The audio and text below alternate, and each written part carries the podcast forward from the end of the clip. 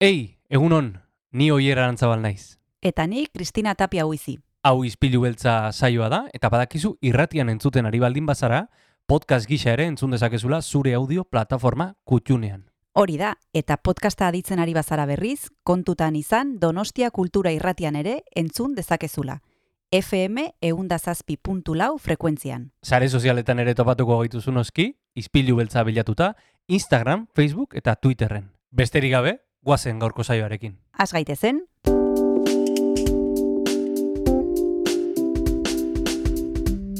Ispilu beltza. Donostiako kulturaren berri, Oyer Arantzabal eta Kristina Tapia buizirekin.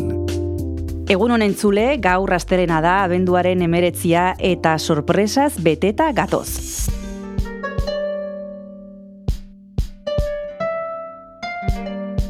Gaur ni bakarrik nago, Kristina Tapia goizi naiz, Zoier Arantzalek jai hartu du, baina ez dakit ze programa galduko dun. Bueno, ez dakit bai badakit ze programa galduko dun, izpilu beltzan gaude, eta gaur ostiralean iragarri genuen bezala programa oso berezi bat prestatu dugu, hainbat arrazoiengatik. Batetik gaur, altzako kasares Tomasene kulturretxean gaude, bertan daudelako Donostia Kultura Irratiko estudioak, eta bestetik amaika entzuteko zortzigarren irrati piezen lehiaketako saridunak entzungo ditugulako. Haiekin hitz egiteko aukera izango dugu, haien lanak entzungo ditugu, eta bukatzeko lehiaketa honetako epaimaikideak elkarrizketatzeko aukera ere izango dugulako. Baina guazen pixkanaka pixkanaka, hasi baino lehen, esan behar dugu gaur gure lankidea termotrenor arduratuko dela teknikaz eta dena pres dugula gaur rizpilu beltzari hasiera emateko. Bueno, ba, esan bezala gaur programa berezi bat dugu esku artean, pertsona asko izango ditugu gaur hemen kasaresen eta lehenbiziko gonbidatuekin hitz egiten hasi aurretik azaldu nahiko nuke zer den amaika entzuteko irrati piezen lehiaketa. Ekimen honen helburua da irrati pieza labur eta originalen ekoizpena eta edapena eta parte hartzaileek gehienez bost minutuko piezak aurkeztu behar dituzte gaztelaniaz edo euskaraz. Gaia guztiz askea da eta edozein motatako pieza izan daiteke.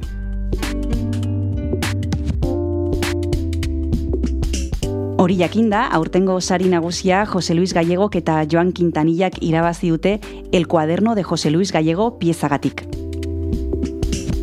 Ongi iruditzen baldima zaizue, guazen entzutera. El cuaderno de campo de José Luis Gallego. La observación y el seguimiento de la vida silvestre pueden depararnos momentos de gran entusiasmo, pero sin lugar a dudas, existen pocas ocasiones en las que la emoción alcance niveles tan altos como la que me dispongo a compartir con vosotros. Cuando el periodo estival llega a su fin y las tardes se acortan, coincidiendo con el descenso de las temperaturas y el paso de las borrascas que nos devuelven las ansiadas lluvias, las serranías ibéricas acogen uno de los espectáculos más extraordinarios de la naturaleza europea, la berrea del ciervo. Con este atronador anuncio se inicia el periodo de celo del mayor de nuestros ungulados, el momento en el que los machos dominantes de ciervo, del gran Cervus elaphus, unos animales impresionantes que pueden llegar a alcanzar la altura de un asno y superar los 200 kilos de peso, entran en ardoroso combate. Para conseguir o para defender su posición de supremacía en el grupo, su hegemonía sobre las hembras y su prioridad para reproducirse. Pero el sonido no es el único protagonista de la berrea. La berrea. El espectáculo es también visual y hasta olfativo. Los machos de ciervo levantan la tierra con los cuernos para depositar en los agujeros sus fluidos corporales. Arrancan la corteza de los árboles con las cuernas, desfilan de manera altiva por los claros del bosque o se revuelcan aparatosamente en el lodo. Todo ello sin dejar de emitir sus potentes berridos que retumban en el amanecer o al caer el sol por toda la montaña. El berrido, la ronca y enérgica brama del macho, es su manera de marcar territorio, de anunciar su superioridad al resto o de desafiar al líder y citarlo a combate. Combate, combate, combate. Un desafío que deberán afrontar ineludiblemente y ante la mirada de los otros, hembras y jóvenes, testigos pasivos de la afronta. Algo que suele tener lugar varias veces a lo largo de la jornada, especialmente a primera y a última hora del día. En ese enfrentamiento, líder y aspirante no dudan en abalanzarse el uno sobre el otro con todo el ímpetu para, haciendo uso de sus poderosas cuernas, frenar las acometidas del contrario, doblegar su fuerza hasta perseguirlo después a la carrera y expulsarlo del entorno de las hembras. Este es el implacable mecanismo con el que la naturaleza ejerce la selección natural. Puro darwinismo, asegurándose de que tan solo opten a la reproducción los machos más sanos y mejor dotados, aquellos que poseen los mejores genes para fortalecer la descendencia y mejorar la evolución de la especie.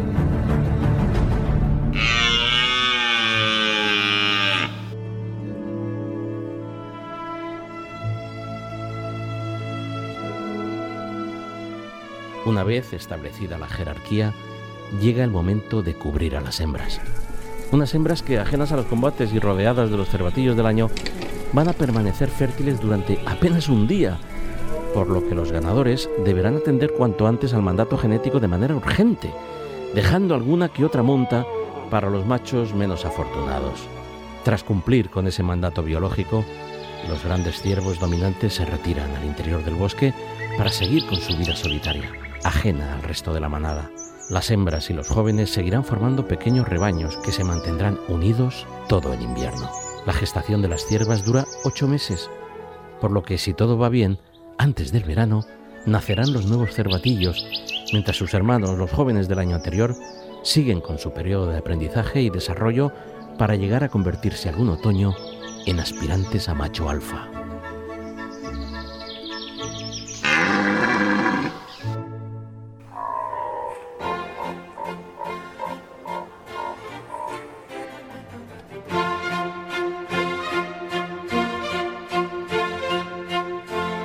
En España el ciervo común vive una explosión demográfica sin precedentes, lo que está llevando a la especie a recuperar buena parte de los territorios de los que había desaparecido. Debido a ello, existen muchas opciones para disfrutar en directo del espectáculo de la berrea en la mayor parte de nuestras comunidades. El cuaderno de campo de José Luis Gallego. Egileak telefonoaren beste aldean ditugu, Bartzelona nain zuzen ere, Jose Luis Gallego ingurumen kazetaria da, eta Joan Quintanilla irrati errealizadorea. Egunon, José Luis y Joan, ¿qué tal estáis? Eh, buen día, ¿qué tal? Muy bien. Buenos días, Egunon. Hola, buenos días. Bueno, lo primero de todo nos gustaría deciros felicidades, por supuesto, y que nos contarais eh, quiénes sois y a qué os dedicáis antes de, de empezar a hablar de, de, esta pieza con la que habéis ganado este concurso. Eh, Joan, por ejemplo, eh, cuéntanos un poquito cuál es tu trayectoria? Bueno, yo llevo ya como, el otro día lo pensaba, llevo 40 años trabajando en la radio. O sea que imagínate, ya ha pasado, ya ha pasado un ratito. Eh, actualmente, bueno, desde hace muchos años trabajo con Julia Otero uh -huh. y en el programa Julia en la Onda, en Onda Cero. Uh -huh. Y, y, me ocupo de la realización del programa. Uh -huh. José Luis. Pues yo también llevo un montón de años en esto de la divulgación ambiental. Trabajo en, diversos medios de comunicación intentando promover la participación ciudadana en el cuidado del medio ambiente y sobre todo el amor hacia la naturaleza. Eh, en esa tesitura pues llevo también casi 20, no, casi no, más de 20 años trabajando con Julia y con Joan y ahora pues eh, en Julia en la Onda, en Onda Cero. Bueno, tenéis una trayectoria mmm, extensa en el mundo de la radio, pero aquí lo que habéis hecho es una pieza muy concreta y preciosa, que luego hablaremos un poquito de ella, pero antes de todo nos gustaría saber también cómo surgió la posibilidad de, hacer el cuaderno de José Luis Gallego, ¿no? ¿Por qué habéis elegido este, este tema y, y cómo surgió eh, esta oportunidad? José Luis. Pues mira, eh, la, el culpable total es Joan, porque sí, él me propuso la idea de hacer algo más allá de, de nuestro espacio que hacemos cada viernes por la tarde en, en Onda Cero, en Julia en la Onda, y que bueno pues eh, por la por los índices de participación y por los eh, parece que funciona y él me dijo oye pues eh, vamos a probar de, de, de, ir un pasito más allá y bueno aprovechar la audiencia que tenemos y, y también pues eso ampliar la, las posibilidades de conectar con los oyentes ¿y qué tal si hacemos un podcast, verdad? Yo soy absolutamente profano en todos estos temas, pero él me dijo, esto es muy fácil, eh, se trata de contar la historia como lo harías en la radio, pero simplemente que vamos a hacer una parte. Yo ya me encargo del resto, ¿verdad? y eso hicimos. Eh, yo eh, hilvané ahí una historia, trencé una especie de guion un poquito diferente a lo que hago los viernes eh, con Julia, más centrado en los temas emotivos y seductores, ¿verdad? y, y, Joan se encargó, se encargó de, todo lo demás, es decir, que, él es el culpable de todo esto. Bueno, la realidad, la realidad es que con José Luis es muy fácil hacerlo, porque él es un hombre apasionado que ama lo que hace, y cuando alguien ama lo que hace, darle forma y vestirlo es mucho más fácil. Mira, yo siempre he pensado que la radio y en este, en este caso el podcast, en realidad lo que tenemos que hacer es crear imágenes, ¿no? Entonces, eh, las imágenes en la radio, ¿cómo se crean? Con una intención en la voz, con un silencio, con una música, con un efecto. Todo eso metido en una coctelera y salió el, este podcast. Eh, es así. Pero sobre todo, es fácil hacerlo con alguien que sea apasionado y José Luis lo es. Hmm. Bueno, los dos diría yo apasionados porque ahí está el resultado que acabamos de escuchar precisamente. Em, ¿Cómo fue la deliberación para escoger este tema? ¿Sabíais claro desde el principio que ibais a hablar eh, sobre esto? ¿Habéis tenido varios temas encima de la mesa, Joan? Bueno, hay, hay muchos temas que José Luis tiene José Luis lleva toda la vida haciendo, haciendo lo, que, lo que hicimos con este podcast. Lo que hmm. pasa es que él lo tiene en, una libretita, en un hmm. cuaderno de campo, hmm. y, lo que hemos hecho es coger eso y trasladarlo en sonidos y en imágenes radiofónicas. Es eso, es básicamente eso. Yo lo, yo lo vi claro desde el principio, que, que con la materia prima de José Luis se podía hacer cosas muy chulas y yo creo que bueno que esto ha quedado bien ha hmm. quedado bien hmm. ha quedado bien bueno lo, acabamos de escuchar como hemos dicho ha quedado muy muy bien eh, José Luis ¿por qué has escogido eh, este tema de entre todos los que tienes apuntados en esa libretita? Bueno eh, como dice Joan yo tengo mis pequeños tesoros que son mis cuadernos de campo en los que baso que son las libretas con las que los naturalistas salimos eh, a la naturaleza para apuntar lo que vemos, tomar nota de los, bueno, y sobre todo cuando uno ya va haciéndose mayor y la memoria pues no le quiere dejar toda todo en sus manos, ¿verdad? Y, yo me, apunto, incluso hago esbozo dibujos y a partir de ahí, pues, pues fíjate, eh, el viernes voy a hablar de esto, es decir, eh, mi radio siempre es una radio pegada al día a día y al hmm. calendario de la naturaleza, al paso de las estaciones. Eh, yo en ese momento estaba muy imbricado porque acababa de venir de, ver la berrea en el Pirineo, es decir, que esto es en primera persona, aquí no hay nada ficticio, como dice Joan.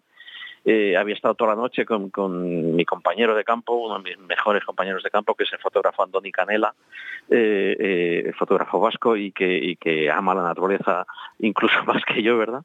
Y le dije a Andoni, pues fíjate, voy a hacer, porque le había explicado esto del podcast y me dijo, voy, me parece que voy a coger el tema de la berrea. Yo había grabado sonidos con el, con el, con el iPhone, que incluso llegamos a pasar por la radio, pero buscamos sonidos más allá, ¿verdad? Para, para, que, para que el oyente verdaderamente se estremeciera de escuchar la brama del ciervo, que sin lugar a dudas es uno de los espectáculos sonoros más increíbles que hay en la fauna ibérica y en la fauna mundial, diría yo. Y esto es que ha sido muy fácil, porque solamente hay que escucharlo para, para sentir ese, se, se dispara, se dispara ese instinto atávico, esa memoria que tenemos en el ADN de cuando vivíamos ahí fuera y, nos estremece por completo, ¿verdad? Ahora mismo vamos a seguir hablando de este cuaderno de José Luis Gallego que ha ganado el concurso de Donostia Cultura y Ratía, pero nos vamos a tomar un descanso y para eso os voy a pedir, primero a José Luis, le voy a pedir una canción, algo que le guste, algo que esté escuchando últimamente y después cuando terminemos de hablar le voy a pedir otra a Joan para finalizar. José Luis, ¿qué te apetece escuchar? Pues fíjate, yo estoy plenamente instalado, y esto lo saben los oyentes de Julián Landa, en mi música, en la música de mi época, que es que son los 80, ¿verdad? Escucho cosas actuales y me gustan, y algunas muchísimo, ¿verdad? Pero yo es que tengo ahí una fuente inagotable de, felicidad, que es en la música de los 80. Y uno de mis temas a los que suelo recurrir constantemente y que casi te la tararearía entera es Coming Around Again. Es un tema de Carly Simon que no sabemos muy bien si es una balada o si es una música un poco superior, pero en cualquier caso es deliciosa. Coming Around Again de Carly Simon. Perfecto, pues vamos a escucharla.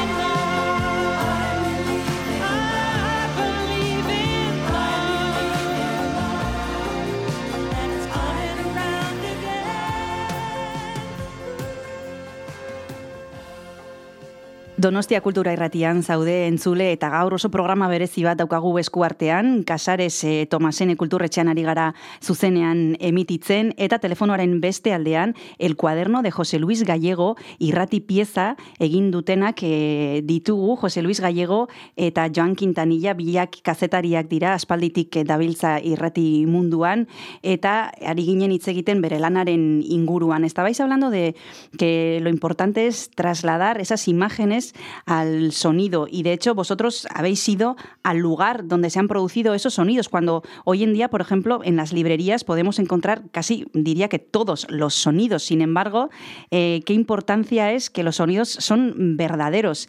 Eh, José Luis, ¿no? Eso también habría que subrayarlo cuando hoy en día nos permite la tecnología pues hacer ciertas trampillas. Yo siempre digo que eh, el espíritu tiene que estar basado en la realidad uno no puede transmitir emociones si no, si no las ha sentido previamente. Y en el caso de la naturaleza eh, es así.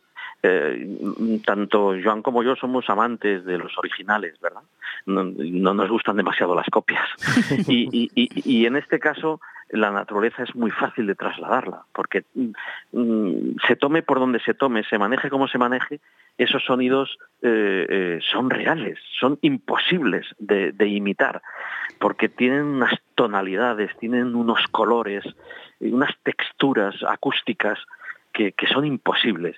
Por eso, eh, en, lugar de, intentar ficcionar o de poner, decidimos ir a los sonidos reales, puros, desnudos, y no están mezclados con, con, otro tipo de sonidos, de fondo, ni no, no, no, ahí está la voz cruda y, carraspera y, agria, diría yo, del ciervo anunciando la llegada del celo al, bosque mediterráneo. ¿verdad? Mm. Bueno, de hecho, la yo Cuando, perdón, Yo cuando, cuando esto lo, grabó José Luis mm. y cuando me lo enseñó, es que casi lloro. O sea, mm. No, de verdad, ¿eh? O sea, es esa sensación, porque yo no fui con él a, hacer esta grabación, la hizo él con su iPhone y es una es una emoción, ¿no? O sea, con, con, el bramido, con aquel bramido te causa emoción y eso es lo que es lo que se tiene que transmitir. Bueno, de hecho la pieza es de lo más inmersiva, ¿no? De repente te traslada al lugar donde se están produciendo esos berridos. Eh, José Luis, decías que grabar la naturaleza es fácil. Yo, sin embargo, me imagino allí con tu iPhone eh, cerca de los animales y me parece justo todo lo contrario a algo fácil. Yo no sé em, Cómo, cómo, es la parte de la grabación. No, no, no, yo soy un nada, nada, esto fue un accidente. Yo simplemente puse el iPhone ahí, nada, nada. Aquí los que verdaderamente son, son, los son los sonoristas de naturaleza y entre ellos pues mi gran amigo y mi admirado y querido Carlos de Ita, que es uno de los mayores sonoristas de naturaleza que hay en este país, ¿verdad? Y con el que da gusto salir al campo porque es que va con las eh, orejas como antenas, ¿verdad? Y, atendiendo, eh, y, que nos regala esos sonidos a través de sus libros y de, todas sus apariciones en radio, ¿verdad? yo he salido con Carlos al campo y veo que es algo, eh, para empezar, el equipo, ¿verdad? que es, es un montón de cachivaches. Yo soy incapaz, además, mm, yo siempre he defendido que a cada uno lo suyo. ¿Eh? Es decir, los que nos dedicamos a hacer divulgación podemos tirar de radio, de tele, de, prensa escrita, pero ese es nuestro menester, juntar palabras, intentar transmitir eh, sensaciones a través del uso de la palabra. Luego están los sonoristas, luego están los fotógrafos, luego están los cinematógrafos, ahí hay un montón, los realizadores, tanto de televisión como de radio, como es el caso de Joan. Eh, y aquí de lo que se trata es de hacer una gran sinfonía, con una orquesta en la que hay solistas y en la que hay pues acompañamientos.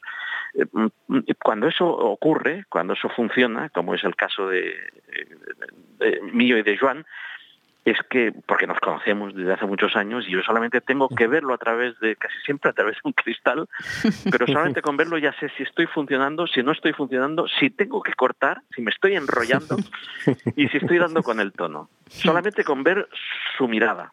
Hmm. Bueno, y conseguir, y conseguir esos sonidos eh, también hay otra cosa que se necesita, que es paciencia. Hmm. La paciencia que, que, has de tener para, para conseguir que tu grabadora en ese momento esté conectada y puedas grabar el sonido del ciervo. Hmm. O el sonido de cualquier otro animal. Pero sobre todo mucha paciencia, mucha Mm. paciencia.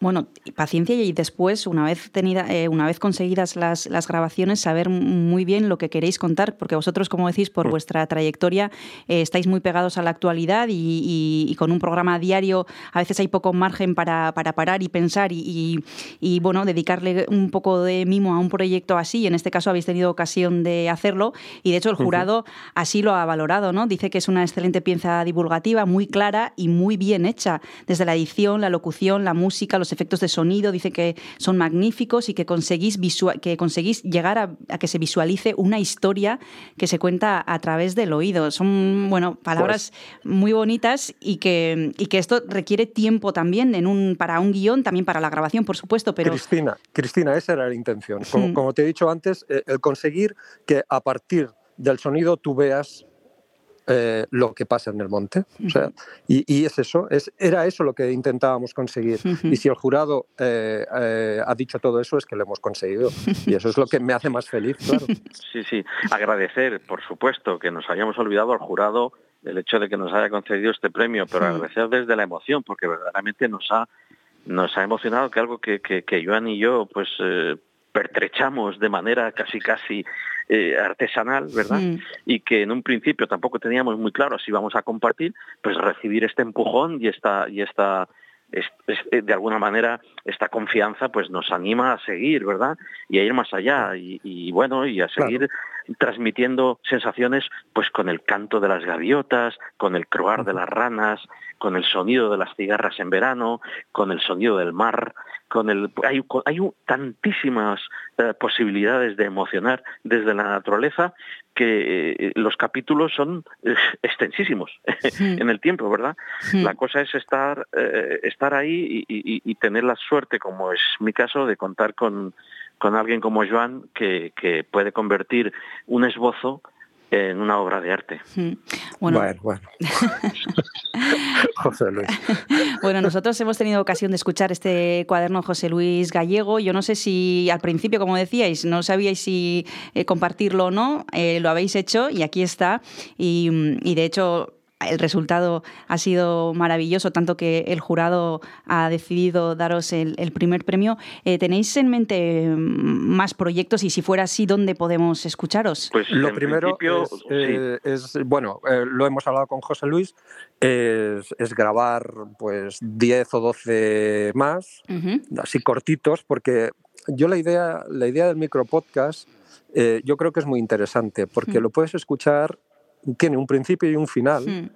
porque pueden ser 5, 8 minutos, en este caso era de 5 minutos, ¿no? De, de 4 minutos 53, pero se pueden hacer micropodcasts de, de 8 minutos, Mm. de 6, de 7, de 5, en las cuales tú empiezas y, y lo acabas de una tirada. No Ujú. son esos podcasts que pueden durar 40, 45 minutos, sino que estos tú coges, te pones a escuchar en el metro, en el autobús, donde sea, y, y lo has acabado.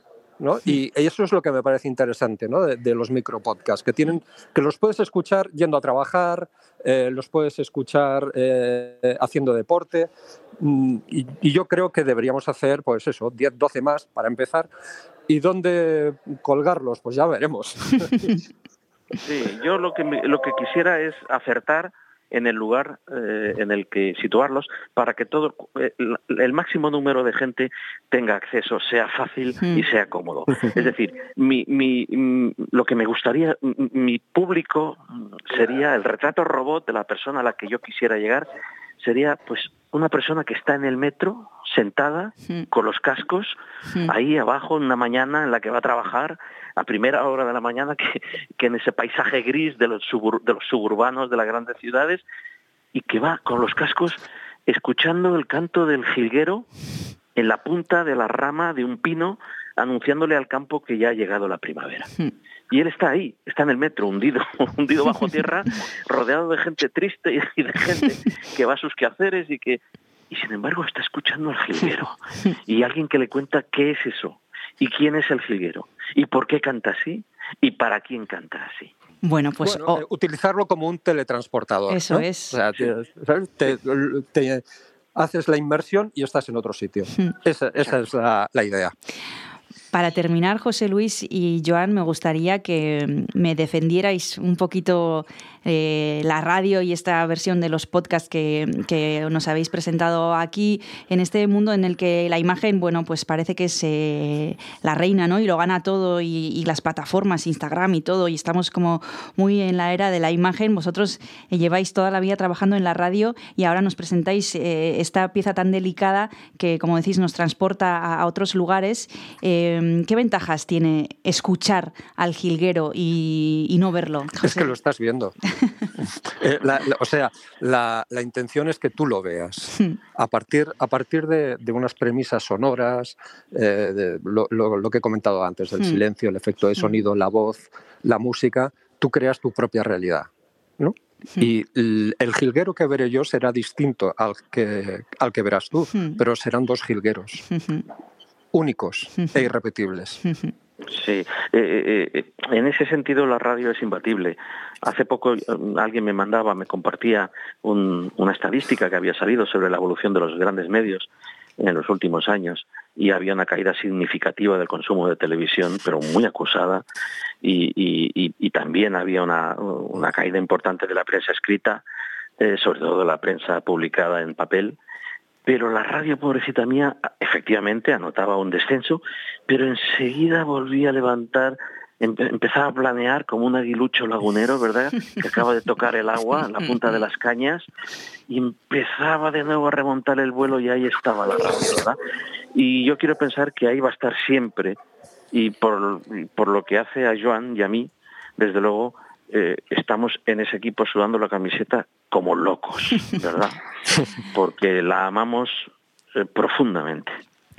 Bueno, pues con estas palabras eh, nos vamos a despedir. Os voy a pedir para despedirnos que nos propongáis eh, otra canción. Antes eh, nos habéis propuesto a Carly Simón. Eh, ¿Con qué nos podemos despedir ahora, pareja? ¿Qué os parece? A ver, ahora me toca a mí, José sí, Luis. Venga, yo, yo soy súper fan de Police y, y, por defecto después de Sting.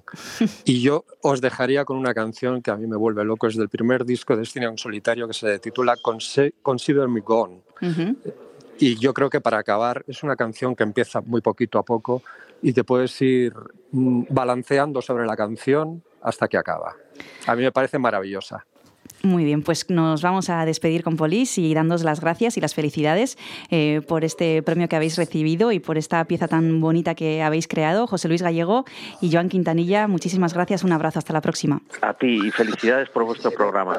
Gracias. Un abrazo. Un abrazo.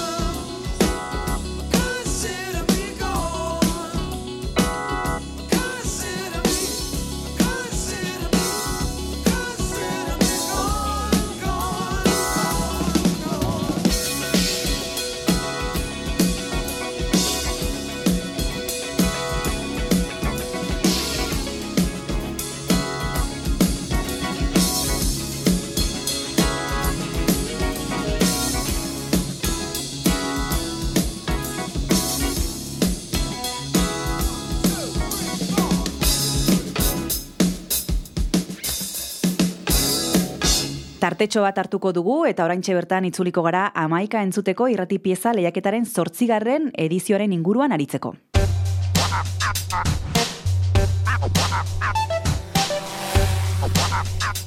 Donostia Kultura Irratia. Zabaldu gurekin Donostialdeko kulturaren leioa.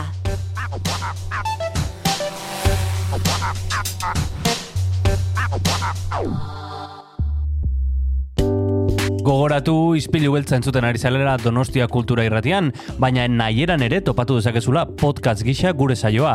Edozein audio plataformatan arpidetu eta Kristina Tapia Uizi eta biok asko eskertuko dizugu. Orain jarrai dezala saioak.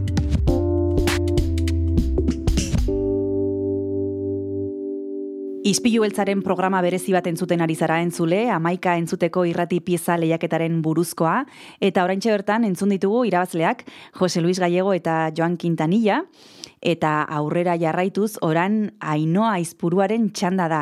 Hemen daukagu gurekin kasaresen, berak irabazi baitu euskarazko pieza onenaren saria. Tximinoa zetaz jantzi arren izena du, guazen e, pieza hau entzutera. You want a hot body? You want a cool body?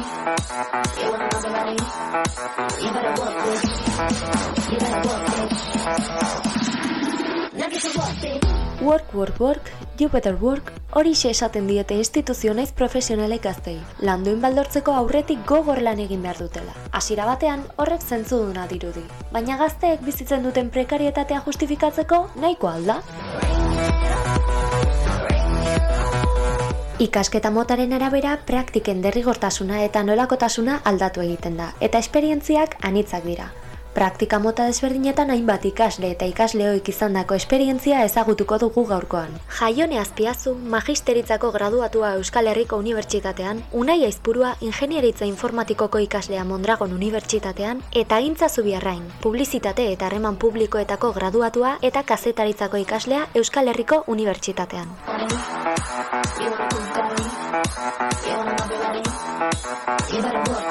Unibertsitate edo bestelako ikasketa zentroetan eskuratutako jakintzak praktikan jartzeko ezinbestekoak dira lan praktikak. Baina hauetan izan ohi dituzten baldintzak ikusita, guztiek ez dute hauek egiteko aukera edo gaitasuna.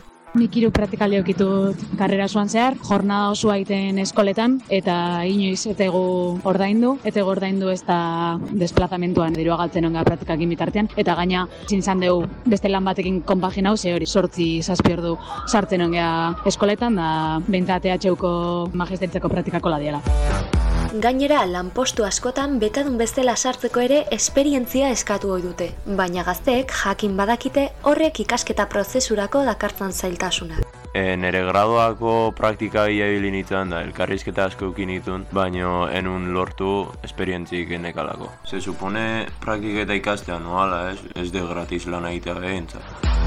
Ikasketak bukatzean eta esperientzia izan da ere, ez da erraza lanpostu duina lortzea. Horren adibide dugu intza zubiarrain. Iaz, jaso nun lan eskintza bat, enpresa baten komunikazio arduradun izateko, eta oso interesauta zerela nire perfilen, bilera okioen du, eta bueno, nik azaldu nien bazintzan egoera ez, karrera bat bukatu nula, baina bueno, beste bat bukatzen nahi nintzela. Orduako ja bi praktikaldi indaen eutzen karreran zer, eta lanen egon nintzen baita agentzi baten bostila betez. Baino, ikusi zuenez, oaindik ikaslean itzela, pentsa zuen, ba, kontratu normal bat in baino, hobetotatzen zitzaiela praktika kontratu bat ikia. Ez, hola ez zeukien ordaindu beharrik eta lan berdina egiten nun, baino gastu gutxi suposatzen zitzaien haiei. Dirudienez, ez jakintasuna, beldurra eta prekarietatea dira nagusi gazteen etorkizunean. Baina argi dago, ez daudela amore emateko prest, eta formakuntza eta lan duinaren alde borrokatuko dutela. Oaindik asko egiteko unibertsitatetik hasita ni nahi den guztia aldetke jau, baina geho goitikan espau ezera aldatzen, ba, alperri. Hala ere, guztia ez dago haien esku, eta ezinbestekoa da instituzioen neiz bekadunak jasotzeko prest dauden profesional eta enpresen esku hartzea. Lan asko aurretik, baina bitartean hortxe jarraituko dugu guztiok. Work, work eta work.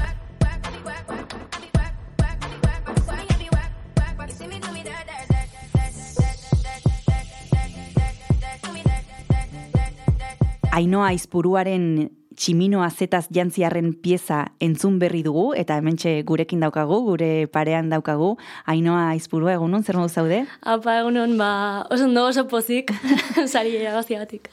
Bueno, e, lan oso impactatea da, esango nuke nik, oraintxe entzun berri dugu, baino lehenik eta behin goazen hasieratik kastera, eta kontatu nortzaren nondik zatoz e, zertan zabiltza.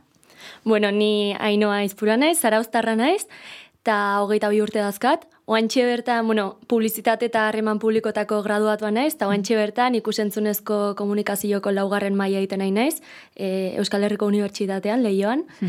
Eta, ba, pieza hau berez klasiko lan bateako zen. Ai, hori galdetu nahi nizu, nola sortu zen pieza egiteko aukera, zuri buratu zitzaizun, osak, enkargu bat da kako txartean, gutxi gora bera. Zan, berez, e, klasian dakau asignatura bat irratieko izpena dana, eta bertako inber genuen ba, irratia reportaje bat, eta grabatu genuen, eta geho gure irakasliak, ba, bialdu zigun lehiaketa honen deialdia, Aha.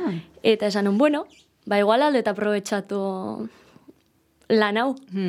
Ze guztua geratu nintzen, gustatzen zaiten gaia uste azkenen gure arte meintzat nire inguruko jendian artean asko hitz egitean zehose da, eta ba, modun baten aukera ona iruditu zitzait- iruditu zitzaiten. Unibertsitaterako gaia e, aldez aurretik ja markatuta zeneukaten edo librea zen. Ez, libria zen, bakoitzak nahizun altzunin, eta ba, holaxe.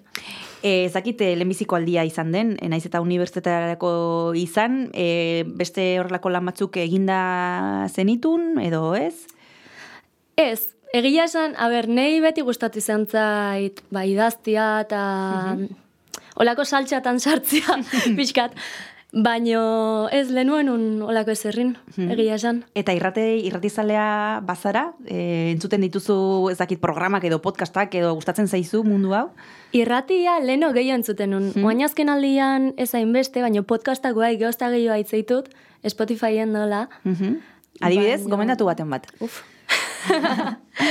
ba, adibidez, nei artea eta olako gauzak asko gustatzen Mhm. zaizkit, da entzutet, eh, neska hablemos arte, Aha. izena una, ba, itzeiteu artean historian ingurun, eta hola, ba, baino modu oso eramangarrian, eta Mhm. oso entretenigarrian, egia esan. Eta zergatik aukeratu zenuen gai hau, Ainoa? Hasieran aipatu duzu zuen artean gai hau badagoela e, pilpilean, bueno, aipatu behar dugu, e, bueno, zuek oraintxe bertan entzun duzue pieza, baino e, praktiken inguruan, lan munduaren inguruan, e, gazteak hasten direnean, ba, pausu hori ematen ez, e, praktikak atzean utzi eta ja lan profesional bat e, hasteko momentu horretan, ba, bueno, sortzen dira Ba, bueno, e, egoera pixka bat arraroak eta e, desiragarriak ez direnak, ez? E, zergatik er, hartu zenuen gai hau eta ez beste bat? Ba, iruditzen zait azkenen, bueno, nik hogeita bi urte dazkat, esan den beste, la, ba, Oainikan gaztia naiz esan daike, eta oain hasi naiz, da, lan munduakin lehenengo kontaktu horiek eukitzen, eta unibertsitatean aldetik, e, ba, klaro, lana, bain unibertsitatea bukauta, oa indikan unibertsitatea, unibertsitatean zaudela, ba, lana lortzeko bide hortan, bai bai, esperientzia eskatzea izue. Gutxi, gaina, nahiko, nahiko txo.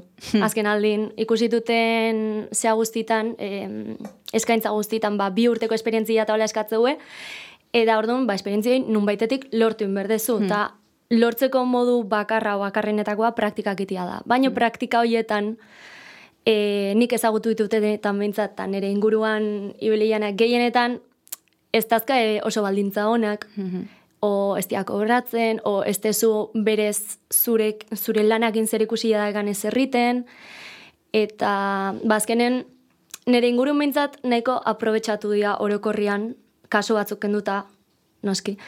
Baino, iruditzen zait, asko, ez dakit, prekarietatea handia da, hola, azken finen, gaztian, ba, praktikaldi o, ez dakit, em, profesionaleako bide hortan. Zure inguruan ikusten duzunagatik ainoa zer da gehiago? E, enpresak e, nun errespetatzen dituzten e, bueno, zuen eskubideak eta txukun aritzen direnak edo gehiago zuetaz aprobetxatu nahi direnak? Ba, nik uste gehiago dela, lehenengua aipatu ez duna, saiatzeiala praktikaldia alik eta gehien luzatzen, e, adibidez, nire, nire reportajian azaltzea, Mhm. nire, za- nire lagun bat da, eta beak esateu, beak ja praktikak entzitun, da berez lan kontratu bat inbertzioten. hori da.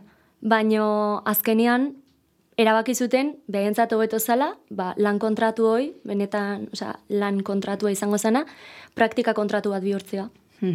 Ze azken finen, nik dakitela behintzat, enau seguru ontaz, bazpare, baino nik dakitela behintzat, enpresai, e, ba, bekarioak hartziagatikan, diru laguntzak emate iskile askotan, baino geho, askotan ez dakigu diru hain noa jutan. Ze praktikari askok ez duet diru hori jasotzen. Eta batzutan prestakuntzarez, formakuntzarez. Zuen artean asko hitz egiten duzu gai honen inguruan, prekupatzen dizuen gauza bat da? Bai, bai. Ze nire karrenan adibidez, publizidadian, bueno, komunikazioan, e, praktikak ez dira derrigorrezkoak. Oain arte behintzat, ez dakitoain e, zea berria sartua, Mhm. plangintza berria sartua, eta ez dakitoain derrigorrezkoa dira. Baina ez dira derrigorrezkoak, eta orduan lortzia zaila da, zeo ze duina lortzia hoendik eta zaio, eta bazkenen, oi, eske, prekarieta da handia da. Ez da, o, ez dut ezagutzen inor, bueno, egia, nik esango dute, nik praktikakin ditut, eta bi praktikaldein ditut, leku desberdinetan, da batian oso gustatu nintzen, baina bestian guztiz kontrakoa. E, baino oso jende gutxi ezagutzet guztua gehatu dana bere praktikal, praktikaldia eta geho, eta ez ja diru kontuagatik.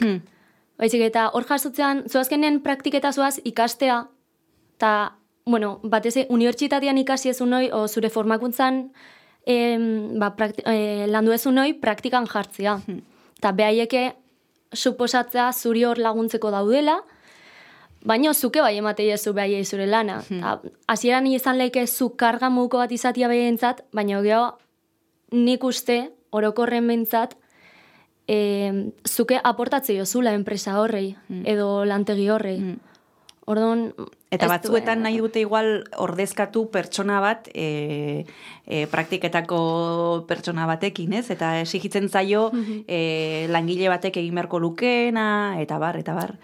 Bai, bitu, a- adibidez, nik esan dizut batian e, oso gustatu nintzala, Bai. baina beste praktikak initun beste leku hortan, nerekin jarri zian behe kontra, e, kontaktuan, Mhm. praktikak horriteko, eta behin praktikak iten hasita geho, enteratu nintzen, enela hor praktiketan, baizik eta e, amatasun baja bat kubritzen, baina praktika kontratu batekin. Hmm. Eta holako gauza asko gertatzea. Bueno, eta zuk hemen e, pieza hontan e, saiatu zara e, oiek islatzen, e, orantxe bertan jarraituko dugu e, pieza honen inguruan hitz egiten, baina hainoa tartetxo bat hartu behar dugu eta horretarako eskatu behar dizut abesti bat entzulekin partekatzeko. Ez dakit ze musika mota gustatzen zaizun, ze ari zaren entzuten azkenaldi hontan, ze jar dezakegu. Ba, beitu, azken aldin asko entzutet, J. Martina, abeslaria. Bueno, taldea. Perfecto, ba, guazen entzutera ba, beraien abesti bat.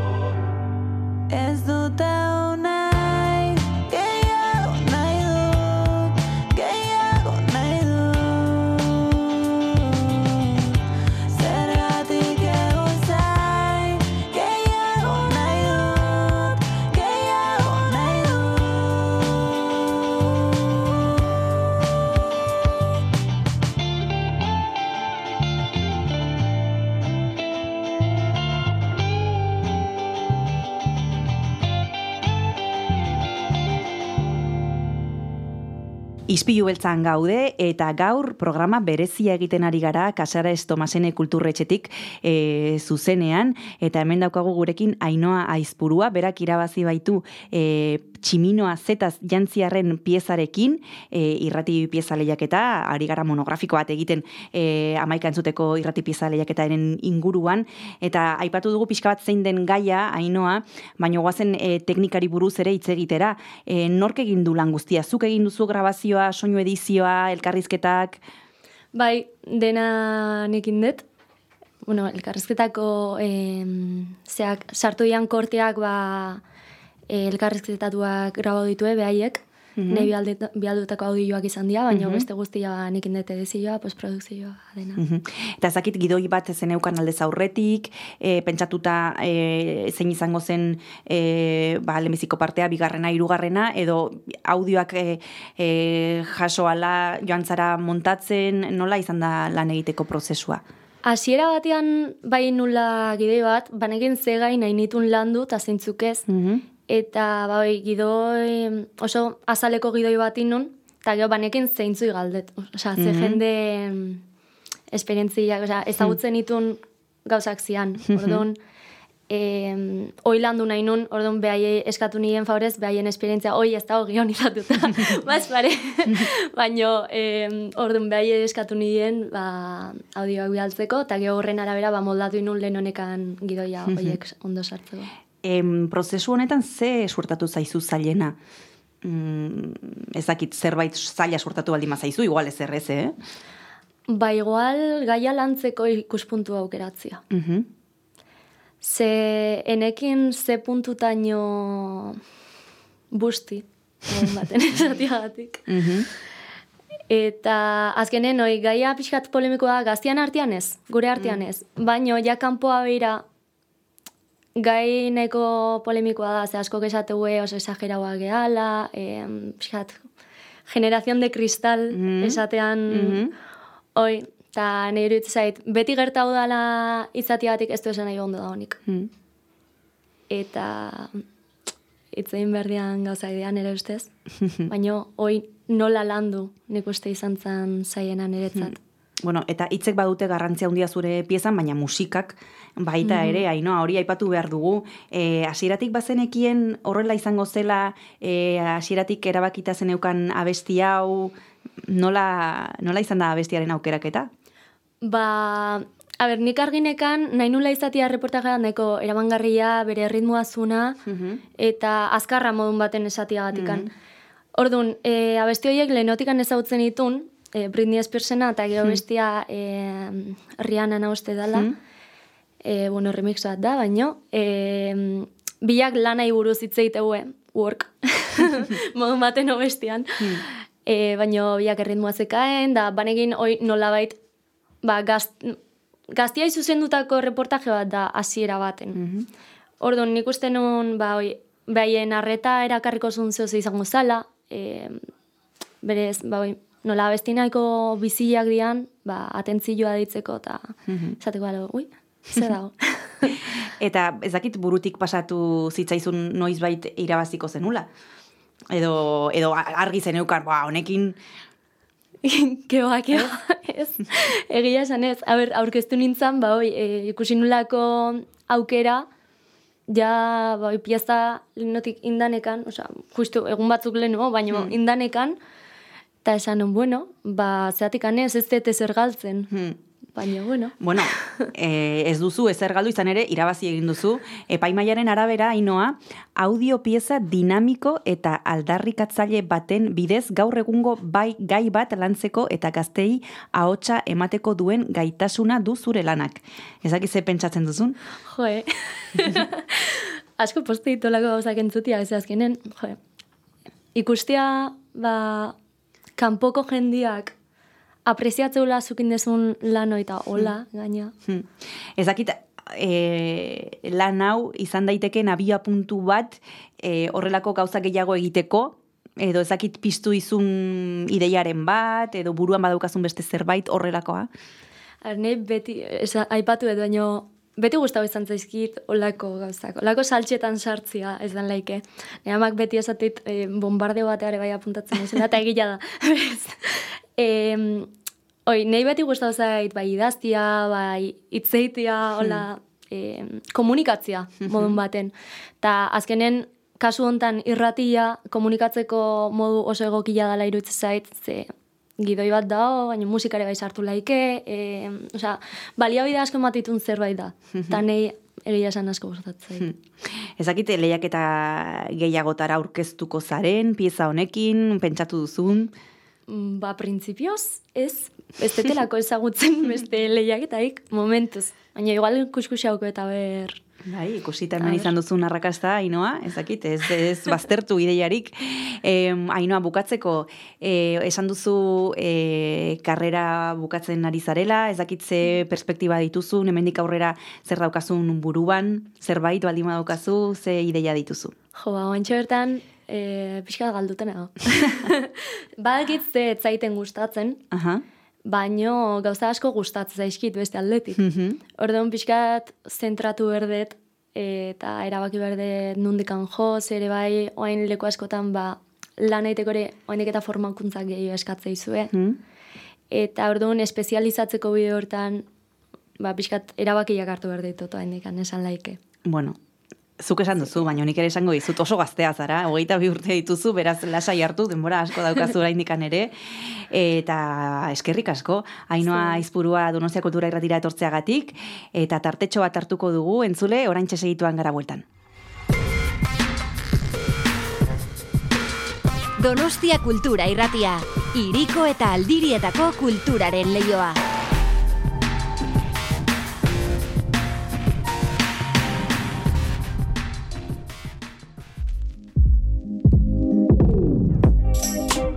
Ispilu beltza. Astelenetik ostiralera, Oyer Arantzabal eta Kristina Tapia buizik zuzendua. Donostia Kultura Irratian. Donostia Kultura Irratian gaude, izpilu beltzan eta aurrera goaz programa berezi honekin. Orantxe bertan hitz egin dugu amaika entzuteko irrati pieza lehiaketaren irabazleekin eta orain epaimaikideak izango ditugu aurrez aurre. Bueno, egon behar ziren gurekin Maria Huegun, Donostia Kulturako Komunikazioa eta Irudia Saileko teknikaria eta Susana Bustero, Casares Tomasene kulturetxeko zuzendaria, baina azkeneko momentuan ba ezin izan dute etorri eta gurekin daukagu Manex Urruzola, Elujarreko Komunikazio Zerbitzuen koordinatzailea.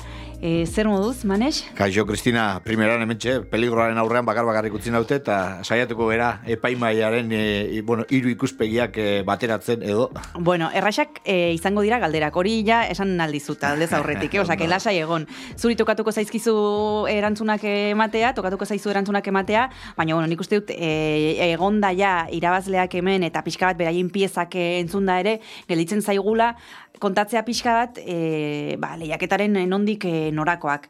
Goazen, e, asteko maniz kontatzera zer den e, amaika entzuteko irrati piezen lehiaketa, askotan hitz egin dugu hemen honen inguruan, baina, bueno, kontatu pixka bat, lehiaketa bat da noski, e, baina, bueno, borobiltzearren, zein da helburua, nork parte, nork ardezake parte? Aha, bai, ba, e, egia esan, e, amaika entzuteko irrati piezen lehiaketaren e, helburua oso argia da, eta da irrati pieza labur eta originalen ekoizpena eta edatzea, hori da Mhm. bere helburu nagusia. E, duela kontua da hori, duela zortzi urte jarri genuela martxan lehiaketa hau, eta eta claro, orain dela 8 urte, ba irrati pieza laburren ekoizpenak eta podcasten e, ekoizpenak gaur egungo egoerarekin esketzeukan inungo zer ikusirik, orduan hor e, bazegon hor behar bat, ez? Ikusten genuen hemen irrati e, gure proiektuaren Donostia Kultura Irratirako eta bazegola e, olako piezak sortzeko behar bat, eta Mhm. produkzioa, bueno, sustatzeko eta jendea animatzeko pentsatu genuen ekimen polita izan zitekela eta hortik abiatu zen. Eta gero, ba, bueno,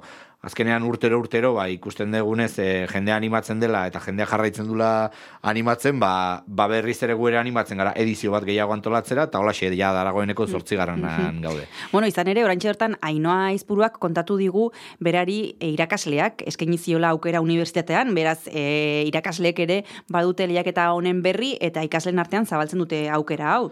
Bai, horrelako lehiaketekin esperientzia da, bai, arrankatzeak, martxan jartzea beti kostatzen dela, Hmm. baina gero ja behin arrankatzen dezunean eta, karo, e, jendearen gana iristea, gero eta erresagoa da, jendeak ezagutzen zaitu, eta eta bai, baditugu horre kazetaritza fakultatean, eta eta mm, irudi eta soinu eh, eskoletan eta, bueno, aliatu garrantzitsuak, eta e, irakasle horiek, e, claro, laguntzen dute asko, ba, beraien ikasleen artean zabaltzen lehiaketa, eta bar. Bueno, ikasleak batetik, baina gero ere, edonork eman dezake izena, ikusi dugu Joan Quintanilla eta Jose Luis Gallego izan ditugu, irratian izugarrizko esperientzia daukaten e, bi kazetari. E, manes, nor, aurketu, nor aurkeztu dezake bere proiektua? Ba, e- edonork, erantzun laburra da edonork aurkeztu dezakela, ez? Gainera, bueno, ba, ja gaur egun ere e, profesional, pieza profesional baten eta pieza amateur baten arteko muga ere oso Hmm. da. Orduan, Hmm. ba, horre erabaki genuen modu kontzientean e, guke mugarik ez jartzea eta beste urtetan, ba, bai, aurten egia esan e, palmaresa polita gelditu da, ez? Alde batetik sari nagusia irabazi dute, ba, e, amarkadatako esperientzia duten bi irratigintzako profesionalek, Mhm. eta gero euskerazko saria berriz irabazi du, a, kazetaritza bukatu berri, eta bueno, ez, mundu profesionalean e, lehenengo pausoak ematen ari den batek, e, eta baina beste urte askotan ere gertatu zaigu, lehen urtean adibidez, e, sari nagusia irabazi zuten, e, e, soinu, bi soinu artistek eta lokuzioko irakasleek eta gero euskerazko saria irabazi zuen, ba, bueno, ba, e, donostiako iritar arrunt batek ez zeukanak e, irratiarekin eta kazetaritzarekin inungo loturarik. Eta atzera joan da, ba, bai, denetik izan ditugu ikasleak, izan ditugu irrati afizionatuak, izan ditugu irakasleak, denetakitik izan dugu. Bueno, hori e, aurkeztu aldiren e, profilak e, aztertzen baditugu, baino lan mota zein izan daiteke manes, e, iraupena, hizkuntza, e, fikzioa, erreportajea, divulgazioa, hemen ikusi ditugu bi adibide oso diferenteak direnak, e, zelan mota aurkeztu aldu pertsona batek? Ba, horre egia esan, e, guztiz aske guzten dugu gaia, ez da? E, bai, muga bakarra da, e, izan behar duela, e, piezak, muga nagusia da, piezak izan behar duela bos minutu baino laburragoa. Mhm. Hor dago muga, ez? Bos minutu baino laburragoa, bueno, gauza asko egin daitezke bos minutu baino gutxiagoan, eta gero hizkuntzari dagokionez, ba, e, piezak e, izan behar du euskeraz edo gaztelaniaz. E, Bi hizkuntza konartzen dira lehiaketarako. Beraz, euskeraz eta gaztelaniaz izan da, eta bost minutu baino gutxiago laburtze e, iraute maldin badu, ba, hor, ja, hortik aurrera muga gutxi dago. Aurkeztu daiteke e, erreportaje bat, aurkeztu daiteke divulgazio pieza bat, aurkeztu daiteke e, irratifikzioa, ipuin, e, bueno, fi- irratirako prestatutako ipuin edo antzerki bat, e, bai, formatoa guztiz askea da, eta iza, izatez, ba, hoiek denak aurkezten dira urtero urtero. Eta jendearen profila ipatu dugu zeinek eman, eman alduen izela, baino zeinek ematen du izena.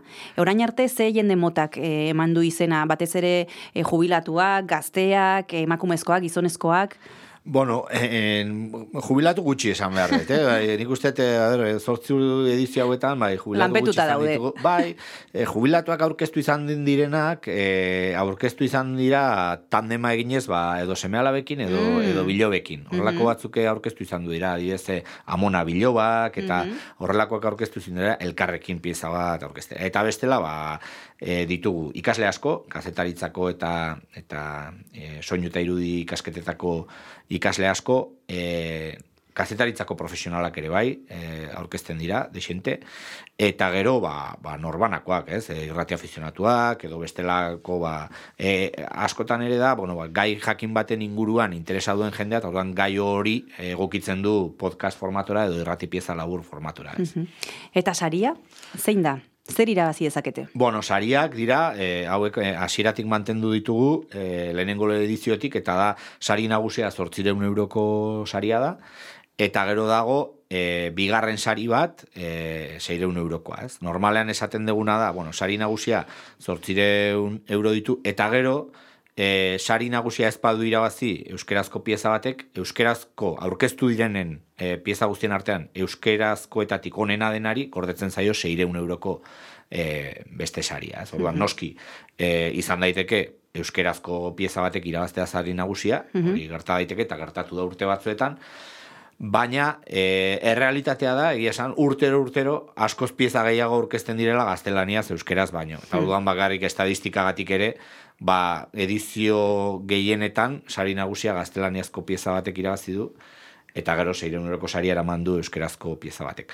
Baina egon dira salbuespenak ere, eh? egon dira urteak non e, sari nagusia euskerazko pieza batek eraman.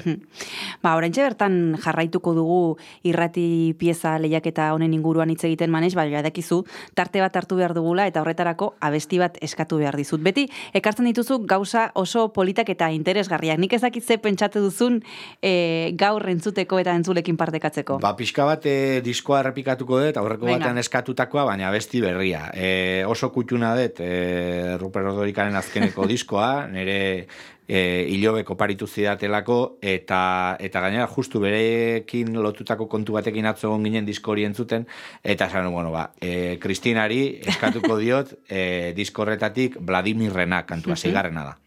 Ba, guazen entzutera.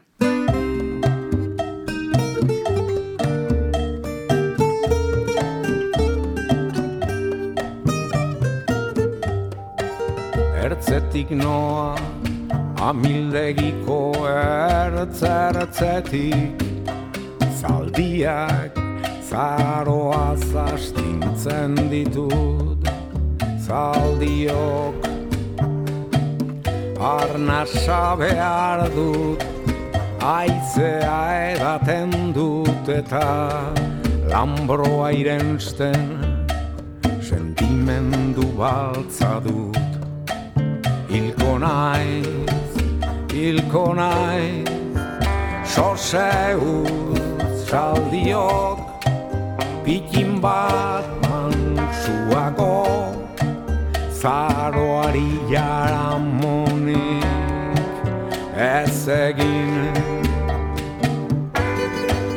Arren zaldiok, zaldiok, denbora emaitazue, bizitza bukatzeko bai eta kantua ontzeko ere nik dietura emango nik kantua maituko eta beste apuro batez ertzertzean geldituko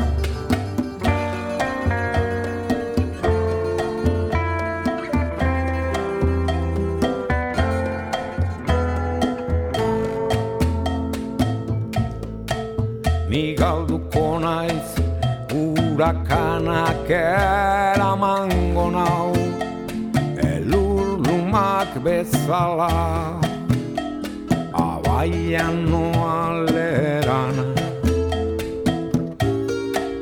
Goizeko elur artean Otoi polikioan Luzatu neure bidaia azken oroturaino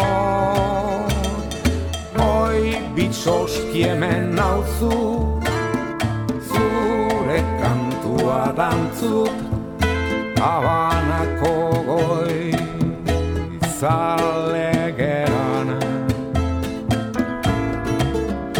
Aurrak eskolara doaz Lepoko gorri zapain Oi Vladimir handia Zure lantua ez jakin. Nik dietura emango Nik kantua onduko Eta beste apuro batez Mundu honetan jarraituko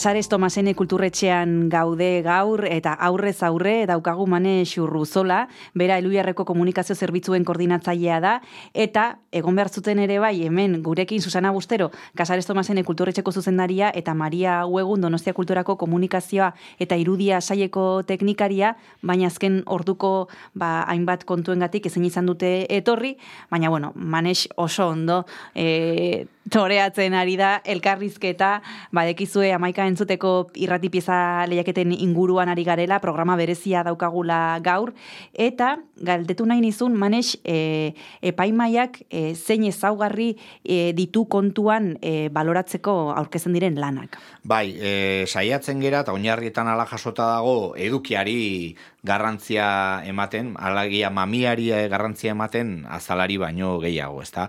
E, noski, e, e, piezak txukuna izan behar du eta eta e, ongi bukatutako pieza bat izan behar du, baina bueno, bikaintasun teknikoa baino gehiago saiatzen gera, ba, piezaren originaltasuna eta edukiaren interesari garrantzia ematen eta oinarrietan horrela jasota daukagu. Eta nolakoak izan dira aurten eh, jaso dituzuen lanak? E, zen maila izan dute, gutxi gora bera, pozik zaudete jasotakoarekin? Bai, ba, nik esango nuke danetik dagoela. Horre urtero horlako le, lehiaketa bat aurkezten duzunean, ba, ba, bueno, ba, aurkezten dago denetik. Ez da daude pieza batzuk oso onak direnak, eta horrel pixka bat lehiatzen dutenak, e, ba, hori ez, sarietarako hautagai diren multzo bat egoten da. Beste batzuk, ba, bueno, ba, ba agian ez hainoenak direnak eta eta gero ba, ba bueno, denetik denetik dago, ez da. E, noski hain irekia egiten dezunean lehiaketa bat, baina nik uste horrek ematen diola ere lehiaketari aberastasuna, ez da, jendeak animatzeak eta eta erabat e, askea izatea e, eta beraz e, edozeinek, ba, gaur egun ja e, oso aparato simpleekin, edozeinek bere mugikorrarekin eta oso e, modu errexean egin dezake oso pieza on bat eta eta horrek ematen dio balioa, ez. Kopuruari dagokionez, ba sekulako goraberak izaten ditugu urte batzutan, bueno, e, aurkeztu izan du dira, zeite, irurogei, larogei pieza, e,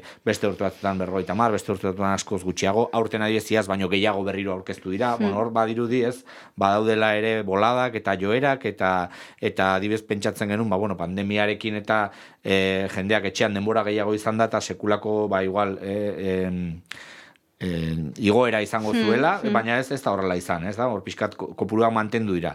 Aurten esan bezala, iaz baino gehiago aurkeztu dira, nik uste maila teknikoki ere pixka bat pusk, e, e, pauso bat gora egin dugula, ez da, koska bat e, gora egin dugula, eta bueno, palmaresean ere ikusten da, ez Hmm. piezak e, bikainak dira, Bai. oso, oso, oso pieza onak e, entzungai ditugu, oparitu dizkigu lehiaketan edizio honek, eta eta denetik izan dugu, bai asko izan dira fikzioa, naiz eta agian gero justu ba palmaresean ez dira ez dira isladatu, ez? Baina Hmm. nik esango nuke aurten e, piezen erdiak baina gehiago, ba no, fikzio natuak edo ipuin edo antzerki e, irratirako egokitutakoak zirela eta eta gero agian divulgazio piezak eta reportajeak gutxiago zirela, baina gero kuriosoki ba epaimaiak e, horiei eman die balio gehiago eta bueno, horrek agian, ez dakit, urren urterako ere pistaren bat eman dezake.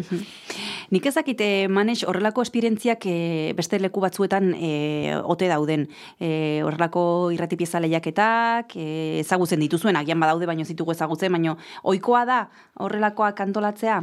Ba, e, egia esan ez dakit, Kristina, nik esango nuke, nik bentsat ez dut ezagutzen, nik e, asko ezagutzen ditugu bideo lehiaketak, Bai, ezta? bai. Bideo laburren lehiaketak, bueno, harri bat altxatzen duzu eta ateratzen zaizkizu, pila bat, e, e, eta e, egia esan, e, duela zortzi urte guk lehiaketa martxan jarri genuenean, pixka bat, bideo lehiaketa horietan inspiratu ginen. Hmm. E, eta esan genuen, bueno, baina guk ekarriko dugu gurera, ezta? Eta egokituko dugu gurera, e, gure proiektura eta gure beharretara. Eta, ba, seguru badaudela, baina, baina irrati piezen lehiaketak nik ebintzat ez ditut ezagutzen, eta euskeraz e, gutxiago. Beraz, bueno, ea, ea eusten diogun honi.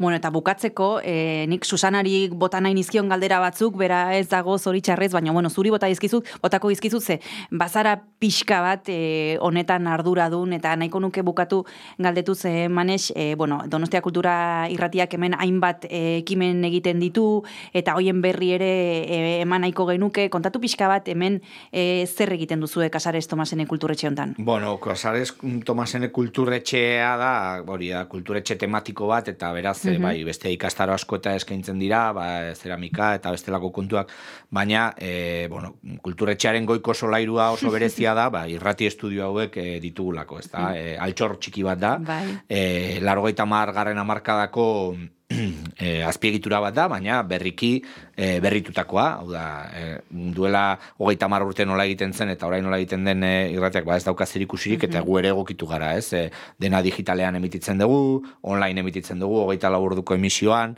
eta gero berezia da, ba, noski, ba, en, irrati publikoa izan da, ba, ateak erabat irekita dituelako, ba, edonorentzat, Mhm. edonork egin dezake hemen e, irrati programa bat, eta beraz, ba, bueno, nasketa hori esango nuke bakarra dela, ez? Alde batetik daukagu e, bueno, pues, ispilu beltza bezalako magazin profesional bat, eta eta eredu bat, ez? E, ir, kultura irratian, eta eta beste alde batetik dugu, ba, ba, ba noski, pues, edonork e, egin dezaken bere programa, eta beraz ditugu, ba, tangoari buruzko programak, e, magazinak, e, aktualidadeari buruzkoak, e, e, osea, este, e, osea, bueno, era guztitako programa pila bat ditugu, ezta? Eta, eta horrek eh, ematen dio sekulako balioa e, irratiari. Esango nuke, ba, baita ere hau proiektu hau badela ozko komunikazioaren eta soinuaren e, formazio leku bat, ez? Formazio leku bat, e, ba, zure irrati programa egiten ikasi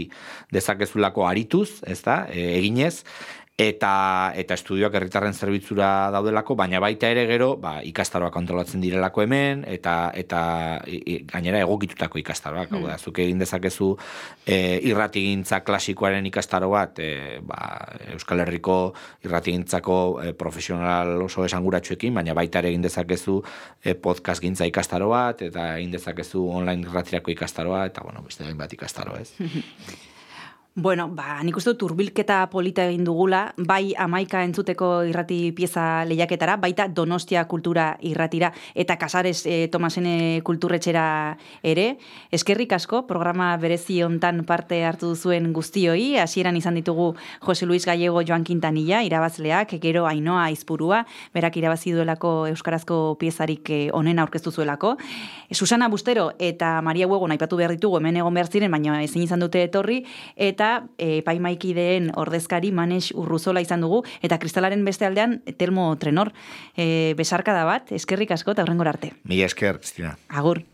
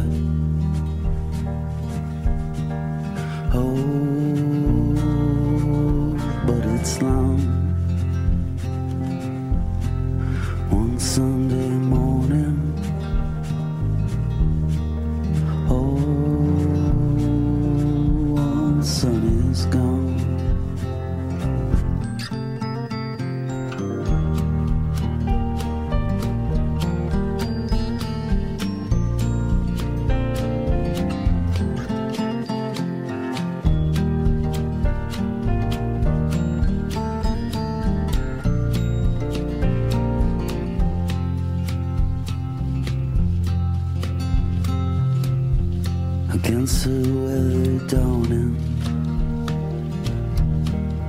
Over the sea,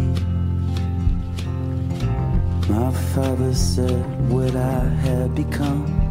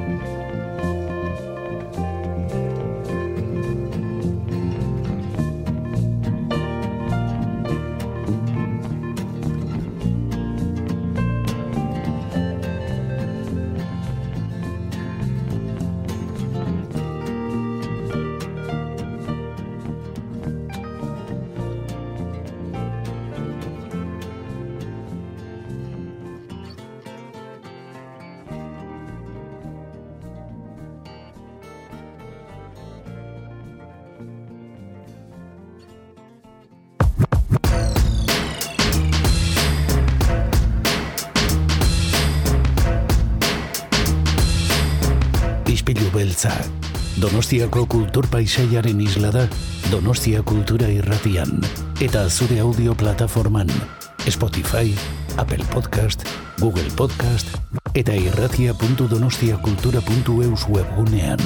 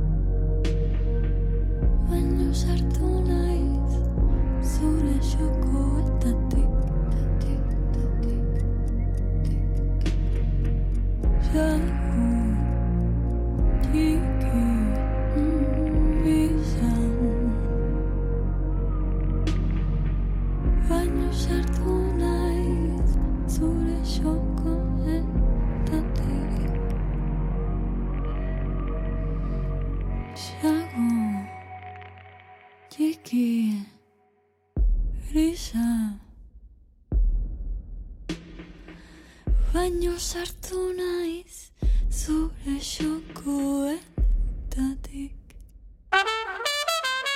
Donostia Kultura Irratia, eunetazazpi.lau. Donostia Kultura Irratia,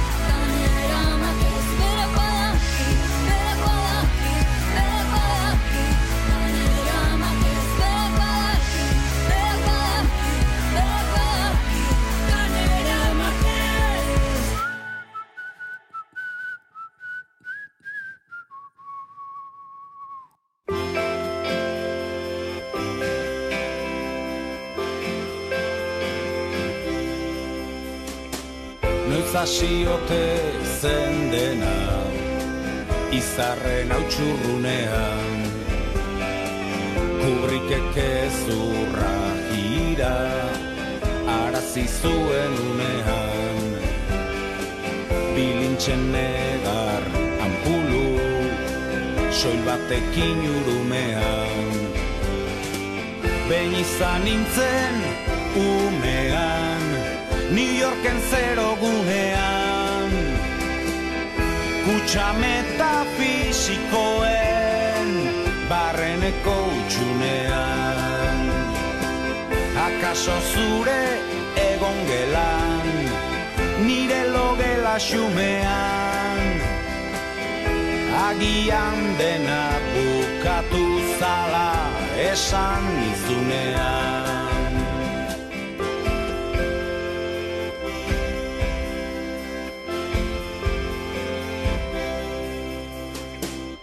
Leze ferta, leze pase Ba alda libre izaterik Grinen liberalismoaz Zer diozu Adam Smith. Ekonomiak akaso. Biotzak ez du legerik. Ez mil urte batek ez bik beratu jenderik Ez dago zu betikorik Ez dago ies beterik Kuadro beltz bat zurian Utzita joan zen malebik Zergatik ez dago dutxan Zuk utzitako hilerik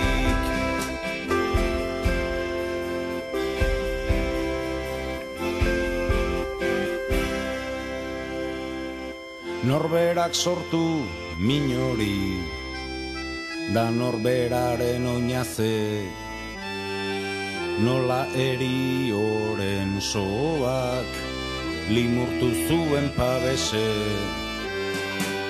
Egon arririk gabeko Piztiok ere alaxe. Muxu labur, muxu luze Despedidetako morse Nik ere izan nahi nuke Batzutan korto maltese Baina nire eskondidan Izarak ez daude ezer.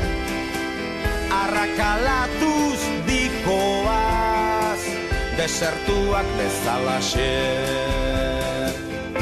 Autazko desertua da.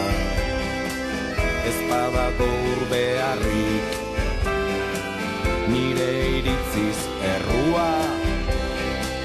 Dutela boak tasarrik Ertzainakek politikak Ta iru lau ametxlarrik Ez dago fikzio txarrik Baina bizitzan alperrik. Ezin da eskatu irri bat Entzun nahi gabe negarrik. Lotan sozialista izan Kapitalista itzarrik. Horregatik gozautzen dut Goizero bakar bakarrik